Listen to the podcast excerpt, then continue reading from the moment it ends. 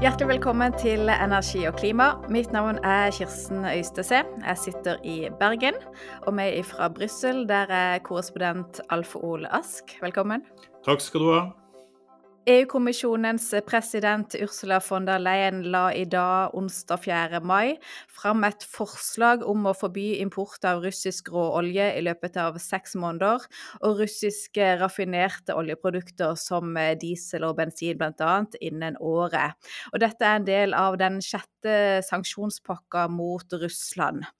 Og hvis vi ser tilbake igjen eh, etter at Russland gikk til krig mot Ukraina 24.2, så har EU-landene stått sammen om første og andre og tredje og fjerde og femte sanksjonspakke.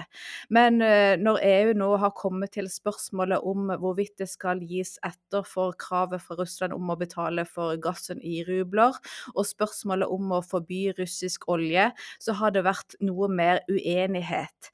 Hvordan har eh, forslaget forslaget om oljeimportforbud som von der Leyen la fram for eh, Europaparlamentet i dag, blitt tatt imot?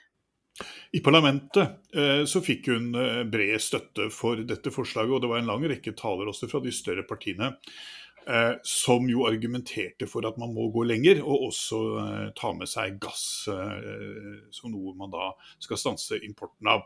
Så på sånn sett så var nok dette en viktig oppvisning for, fra EUs side vis-à-vis -vis Russland om at man her på mange måter står samlet om sanksjonene. Men du har helt rett, det er ulike vurderinger, og det man ser nå er jo at nå kommer jo de tiltakene, de sanksjonene, som også får store konsekvenser for EU-landene. Eh, og Der er spesielt energi, altså da olje og eh, gass, eh, viktig. Fordi EU-landene er i veldig varierende grad avhengig av import fra, fra Russland når det gjelder olje og gass. Ja, bare for å forstå omfanget, hvor avhengig er egentlig EU av russisk gass? Altså hvor mye olje kommer eh, via rør, og hvor mye kommer via skip? og Hva utgjør det av totalen av EU sitt oljeforbruk? Ja, Det du kan si er at det er omtrent 25% av den oljen EU bruker, omtrent 40% av den gassen EU bruker, som eh, importeres fra eh, Russland. Og så er det da slik at en del av de landene som ligger eh, lengst øst, altså en del av de gamle østblokklandene, eh, har en veldig høy andel av olje, sånn som f.eks. Ungarn. Eh, får nesten all sin, all sin olje fra, fra eh, Russland. Altså, Oljeimporten til EU-landene utgjør omtrent 3,8 millioner fat hver eneste dag. Og av det så er det vel noe sånt som uh, 70% som da skipes til EU på kjøl, og så er resten kommer da eh, via eh, oljerørledning. Og det er f.eks. til Ungarn, som får veldig mye av eh, sin, eh, sin, olje direkte inn eh, som oljerørledning. Og En del av disse eh, landene lengst øst har jo da heller ikke tilgang til havner, sånn at de kan få noen særlig olje av betydning eh, på oljetankere. Da må du liksom sende den over landjorda, noe som jo er både dyrt og, og krevende.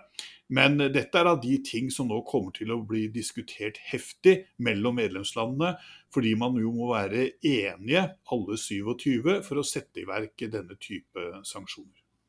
Dette er jo et forslag som var venta, for det har vært diskutert i, i flere uker. Og, og, saken har på en måte bølga litt frem og tilbake. Hvem er det som har pressa mest på nå for å få til et importforbud av russisk olje? Ja, eh, Europaparlamentet er blant de institusjonene i EU som eh, jo for lenge siden vedtok med stort flertall at de ønsket både stopp i eh, oljeflommen og gassflommen. Og så er det jo etter hvert som den russiske krigføringen blir mye mer brutalisert, så har dette kravet da vokst. Og det er jo land som f.eks.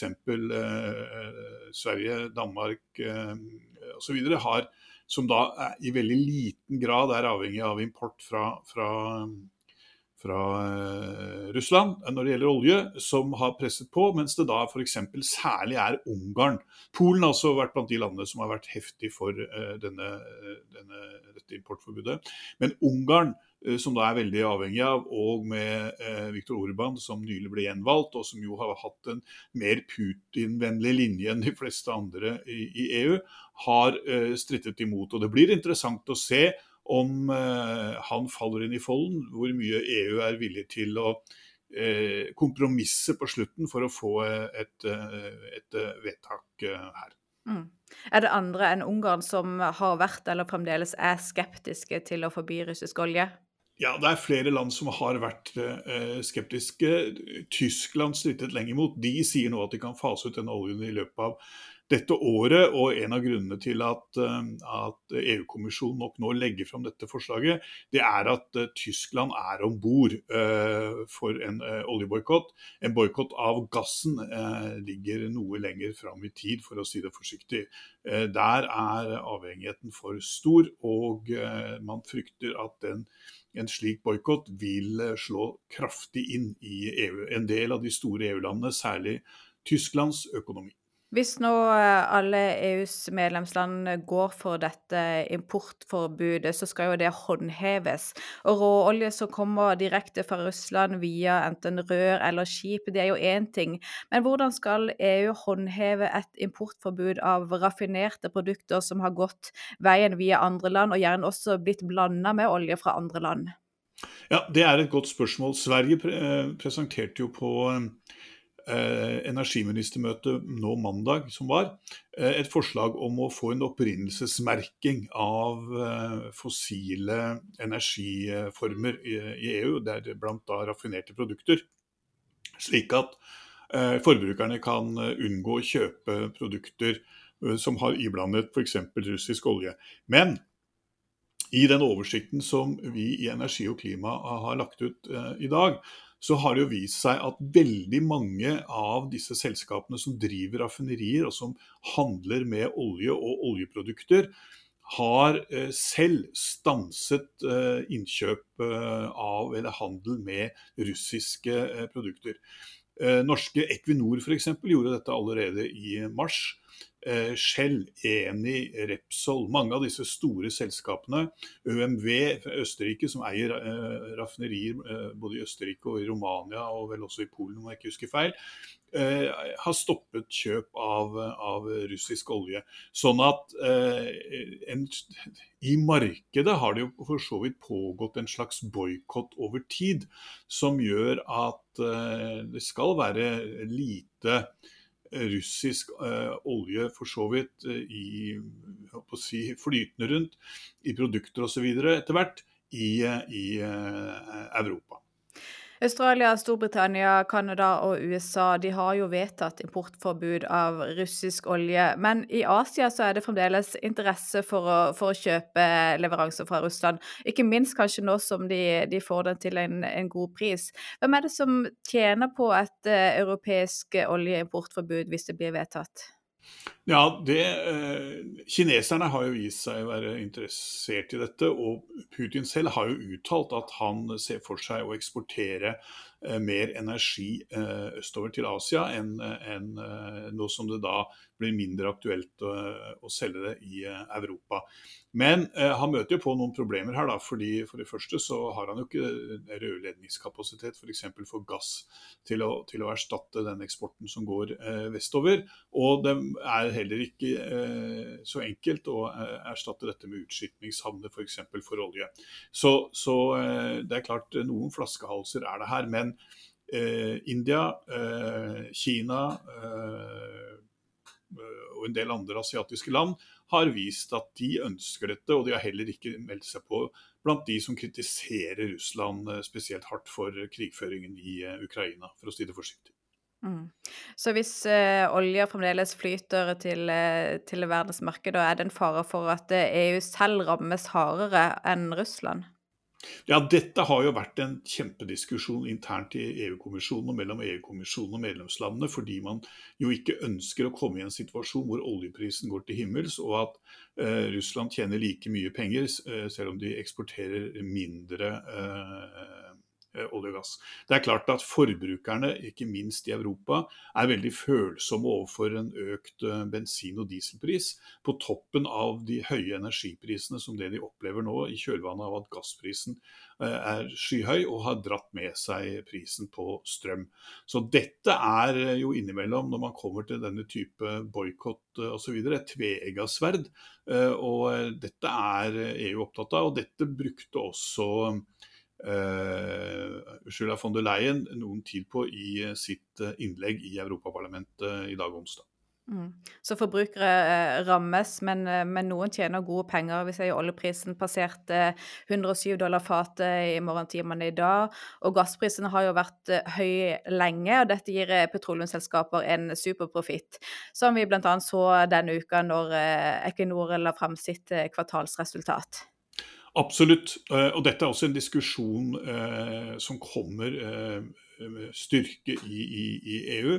Fordi man ser Det er jo ikke bare oljeselskapene, men også andre energiselskaper, f.eks. de som produserer både fornybar energi og atomkraft, tjener nå eh, veldig bra penger. Eh, og eh, man snakker liksom om å ha ekstra skatter på dette. Det diskuteres forskjellige eh, tiltak. Og jeg tror nok at Norge, som jo er et av de landene som da tjener veldig mye på disse høye energiprisene Man må huske på at omkring 40% av all olje og gass som produseres på norsk sokkel, eies av den norske stat direkte. Og der flyter jo da pengene derfra, overskuddet av dette, rett inn i uh, oljefondet. Det er klart at når regningen for gjenoppbyggingen av Ukraina, eh, flyktningestrøm og den type ting eh, skal betales for, så vil eh, nok en del se til Norge og mene at Norge har et moralsk ansvar for å stille opp i større grad enn kanskje mange andre har. Du nevnte at uh, dette forslaget om importforbud må jo godkjennes av alle 27 medlemsland. Uh, hvordan blir den prosessen, og, for, og hvor lang tid forventes det at det tar? Ja, den prosessen kommer nok til å være at man brekker litt armer og bein eh, på de uvillige bak lukkede dører. Eh, I eh, EUs ministerråd og i Coreper, som da altså er eh, forumet for EU-ambassadørene fra, fra, medlemslandene. De møtes jevnlig. og der kommer det nå til å, til å være diskusjoner, og dette kommer helt sikkert også til å komme opp på på ministermøter hvor det endelig besluttes. Og eh, dersom dette si, skulle skjære seg og, og, og, bli større problemer, så er det jo et EU-toppmøte 30. og 31. mai. Eh, og der vil nok, eh, om det skulle ta så lang tid, noe jeg ikke tror, finne sin endelige eh, løsning. Ok. Takk for oppdateringen fra Brussel. Vær så god.